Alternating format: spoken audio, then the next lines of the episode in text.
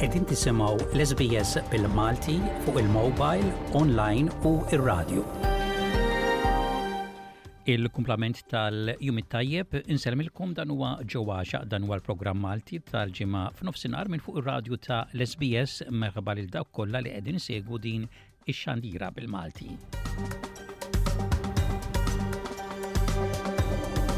Fil-programm tal-lum fost aħbarijiet u ġrajiet kurrenti konna servizz ta' aħbarijiet minn Malta mill-korrispondent tagħna hemmhekk li rrapporta dwar kif seħħew l-iżviluppi matul din il-ġimgħa ta' deċiżjoni tal-Qorti Maltija li l-isptarijiet Maltin jingħataw lura lill-Istat.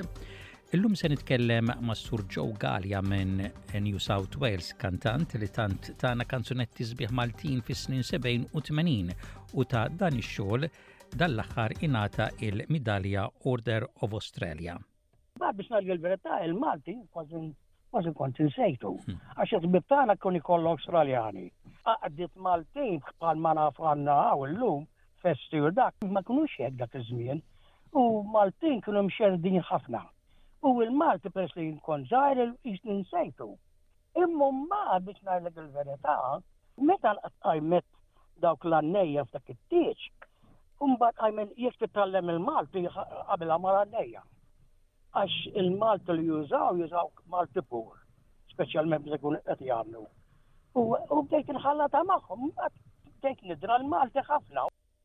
Din l-intervista ma' Joe Galea minn hawn u ftit ieħor fil-programm flimkien ma' informazzjoni, avviżi u mużika ta' interess għall-komunità Maltija fl-Awstralja, fosthom rapport dwar l-importanza li nkunu nafu kif namministraw il-First Aid, l-Ewwel Għajnuna, din hija t-tieni parti ta' dan ir-rapport. Imma nibdew il-programm bħas-soltu b'bulettin ta' aħbarijiet.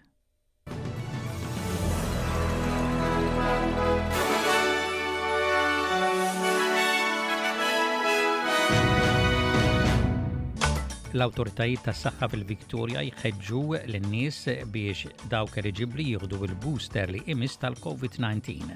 L-Aqda Repubblika tgħid li d-deċiżjoni tal-qorti li l-isptarijiet Maltin jingħataw lura lill-Istat kienet bla preċedent u l-Gvern Federali Awstraljan ħabbar bidliet fit-taxxa ta' bilanċ kbar ta' superannuation.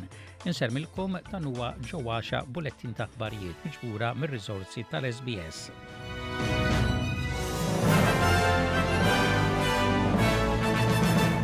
L-awtoritajiet tas-saħħa fil-Victoria ġeddew it-talbiet tagħhom biex dawk li huma eliġibbli li jieħdu l-booster li jmiss tal-COVID-19 jagħmlu dan L-Uffiċjal Ewlieni tas-Saħħa fil-Victoria, il-Professur Brett Sutton jgħid li bix-xitwa toqrob, dan huwa ż-żmien li tittieħed il-booster. Huwa jgħid li dan huwa rrakkomandat ħafna għaliex il-Covid u l-varjanti tal-Covid għadhom fostna. COVID is very much still with us, and getting your booster dose remains the best way to boost your immunity to protect yourself and your loved ones against the virus and its variants.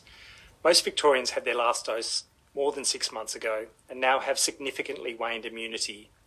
Getting your booster dose is like recharging your phone when the battery's low. Now is a good time to recharge your immunity with a booster dose to prepare for winter.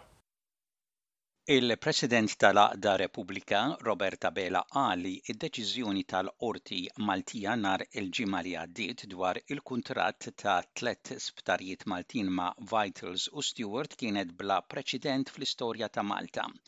F'konferenza tal-aħbarijiet, Dr Aquilina qal li l-Qorti tkellmet ċar li l-kuntratti huma mibnija fuq il-frodi. waqt li qal kull tip ta' korruzzjoni hija ħażina qal li hemm korruzzjoni agħar minn oħra, bħal f'dan il-każ li qal messet mas-saħħa tal-poplu Malti kollu. Sejjaħ ukoll bħala aġir kriminali n-negozjati li saru f'dan il-kuntratt li qal saru mill-Gvern fiż-żmien ta' l-eks Prim Ministru Joseph Muscat u għalhekk sostna li xi ħadd irid jerfa' r-responsabilità.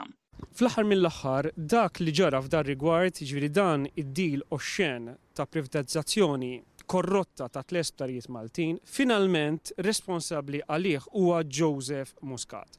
Ħadd f'pajjiżna ma jemmen illi Konrad Mizzi, Chris Cardona u Edward Scicluna wettqu dan id-deal oxxen wara dar Joseph Muscat. hu l-perċimes ta' dan id-deal u aħna qed nippuntaw subgħajna lejh, qegħdin ngħidu li hu l-prim korrott u li għandu jwieġeb quddiem il-qrati ta' pajjiżna, quddiem il-qrati kriminali ta' pajjiżna. Naturalment, huwa pass kbir ħafna 'il quddiem dak li rnexxielu jagħmel l-Onorevoli Adrian Delia permezz tas-sentenza li ngħatat nhar il-Ġimgħa, illi irrid ngħid kienet ibbażata wkoll fuq evidenza illi żvelat Daphne Caruana Galizia, issa hu importanti li wara li dawn l-erba' kuntratti skandalużi ġew annullati, issa hu importanti li min ħammeġ idejh bil-korruzzjoni jitressaq quddiem il-qrati ta' pajjiżna u jieħu li ħaqqu skont il-liġi, jiġifieri piena ta' priġunerija effettiva. Dottor Aquilina qal li hemm inkjesta oħra għaddejja li ilha miftuħa erba' snin, żied jgħid li fiha qal hemm erba' ismijiet fosthom ta' eks ministri illi flimkien innegozjaw il-kuntratti. Fost l-oħrajn qal li dawn taw vantaġġ lil din il-kumpanija u għalhekk allega li hemm frodi, korruzzjoni, tixħim u anke falsifikazzjoni ta' dokumenti. Il-President tal-Għaqda qal illi l-Avukat Ġenerali u l-Kummissarju tal-Pulizija mhumiex jagħmlu xogħolhom. Sostna li l-Kummissarju huwa obbligat jinvestiga fost l-oħrajn lil Dr. Muscat għax qal jekk dawk indikati fl-inkjesta jaħarbu mill-pajjiż l-Għaqda ser iżżommu personalment responsabbli. Intant, b'reazzjoni, l-eks Prim Ministru Joseph Muscat qal li Dr. Robert Aquilina laħħaq lilu nnifsu, prosekutur imħallef u ġurija. Dottor Muscat qal li Dr. Aquilina reġa' qed jindika li jaf x'qed jiġri f'inkjesta maġisterjali u sostna li dan jimmina l-fiduċja li jista' jkun hemm li dan huwa proċess indipendenti.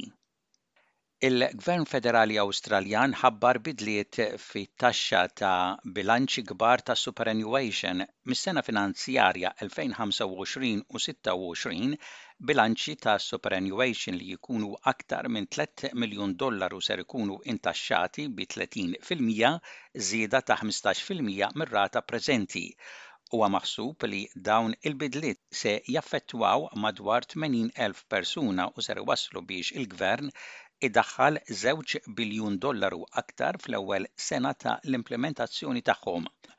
Ir-rata preżenti ta' ħmistax fil-mija se tkun tapplika għal dawk li l-bilanċi tagħhom ikunu anqas minn tliet miljun dollaru.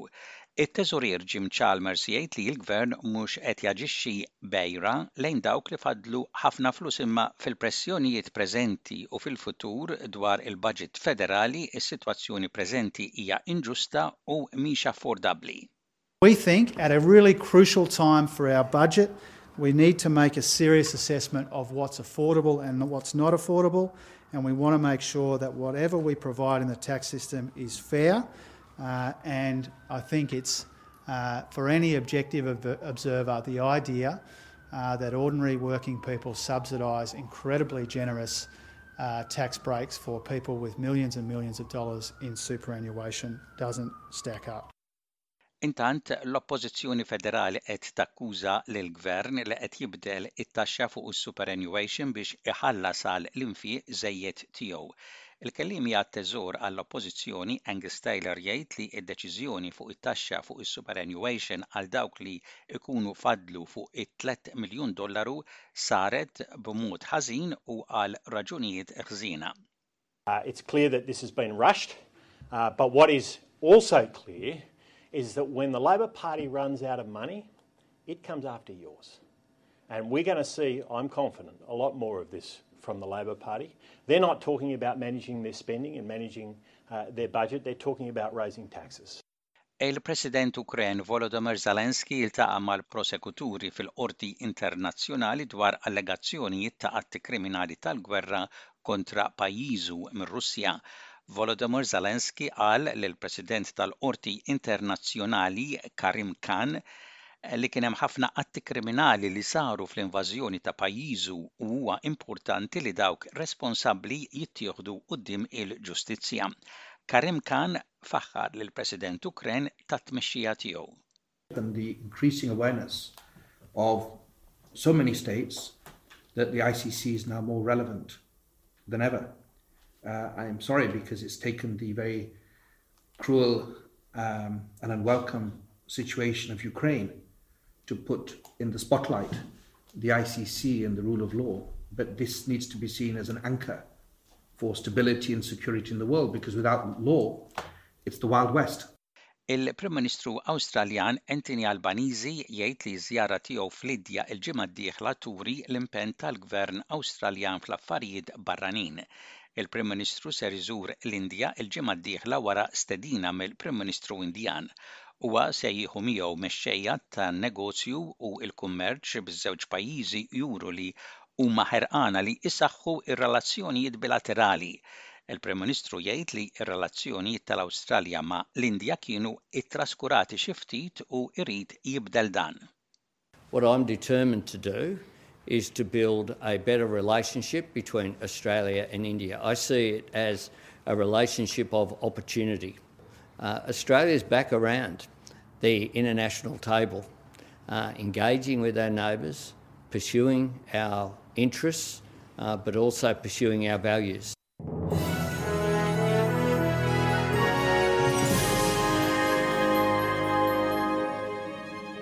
Fl-isport, it-tim nazzjonali Malti mmexxi mill-kowċ Michele Marcolini beda l-ewwel preparamenti għal-logħob internazzjonali tax-xahar id-dieħel. Is-sessjoni saret fit-training grounds ta' l-MFA f'Ta' Qali u din kienet l-ewwel waħda minn erbat ijiem Is-sessjonijiet huma intenzjonati l-aktar biex il-kowċ u l-istaff tekniku tiegħu jiltaqgħu mal-plejers mill-viċin qabel issir l-għażla finali tal-lista ta' plejers li se jaffrontaw lill-Maċedonja ta' Fuq u lill-Italja fil-partiti ta' kwalifikazzjoni mill-UEFA Euro 2024 fl-aħħar ta' Marzu. Futbol f'Għawdex mil-League tal-Ewwel Diviżjoni partiti li intlagħbu fi tmiem il-ġimgħa li għaddiet, Għala Saints sofrew telfa ta' 3 b'wieħed kontra Kerċem Ajax u b'hekk ħadulhom it-tieni post fil-klassifika, Nadur Youngsters kisbu rebħa bl-iskur ta' 2 b'wieħed kontra Xewkija Tigers, Għajnsielem dawru telfa f'rebħa ta' 2 b'wieħed fl-ewwel logħba mill-play-out tal-kampjonat tal-Gozo Football League tal-Ewwel Diviżjoni kontra t-tim li jinsab fl-aħħar post Sannat Lions. Victoria Hospers kisbu tliet punti importanti minn rebħa ta' tlieta b'xejn kontra Oratory Youths.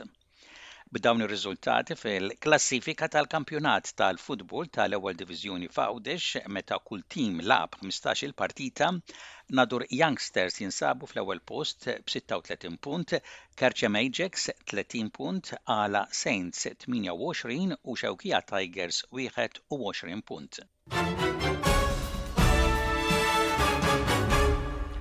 U intemmu dan il-bulettin ta' ħbarijiet parsa lejn ir-rapport ta' temp, temp il-biċċa l-bira xemxi mistenni f'Perth u f'Adelaide, temp daqsxejn imsaħħab mistenni f'Melbourne, Hobart, f'Kembra u anke f'Cairns u ħalbit tax-xita mistennija f'Wolongong, f'Sydney, fi Newcastle, fi Brisbane u f'Darwin. Dak kien bulletin ta' aħbarijiet mir-radju ta' l-SBS għallum il-ġimgħa t-tielet jum tax-xahar ta' Marzu tas-sena 2023.